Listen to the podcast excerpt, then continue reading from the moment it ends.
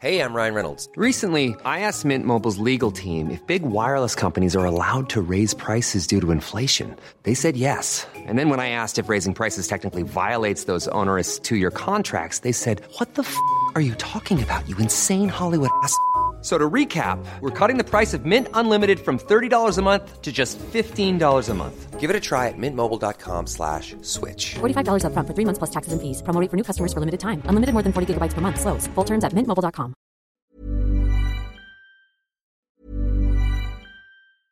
Ryan Reynolds here from Mint Mobile. With the price of just about everything going up during inflation, we thought we'd bring our prices down.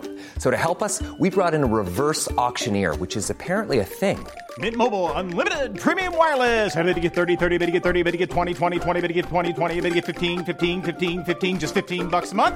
So, Give it a try at mintmobile.com slash switch.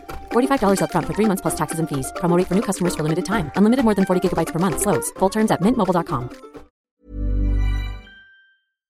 Da har vi akkurat spilt inn en ny episode av eh, Aftenpodden USA, og denne uka så gikk vi for eh, å fortelle noen litt personlige historier for å illustrere eh, alle fallgruvene som finnes i det amerikanske helsesystemet. Og kort fortalt så har jeg altså blitt far og endt opp med en regning fra sykehuset på en halv million kroner.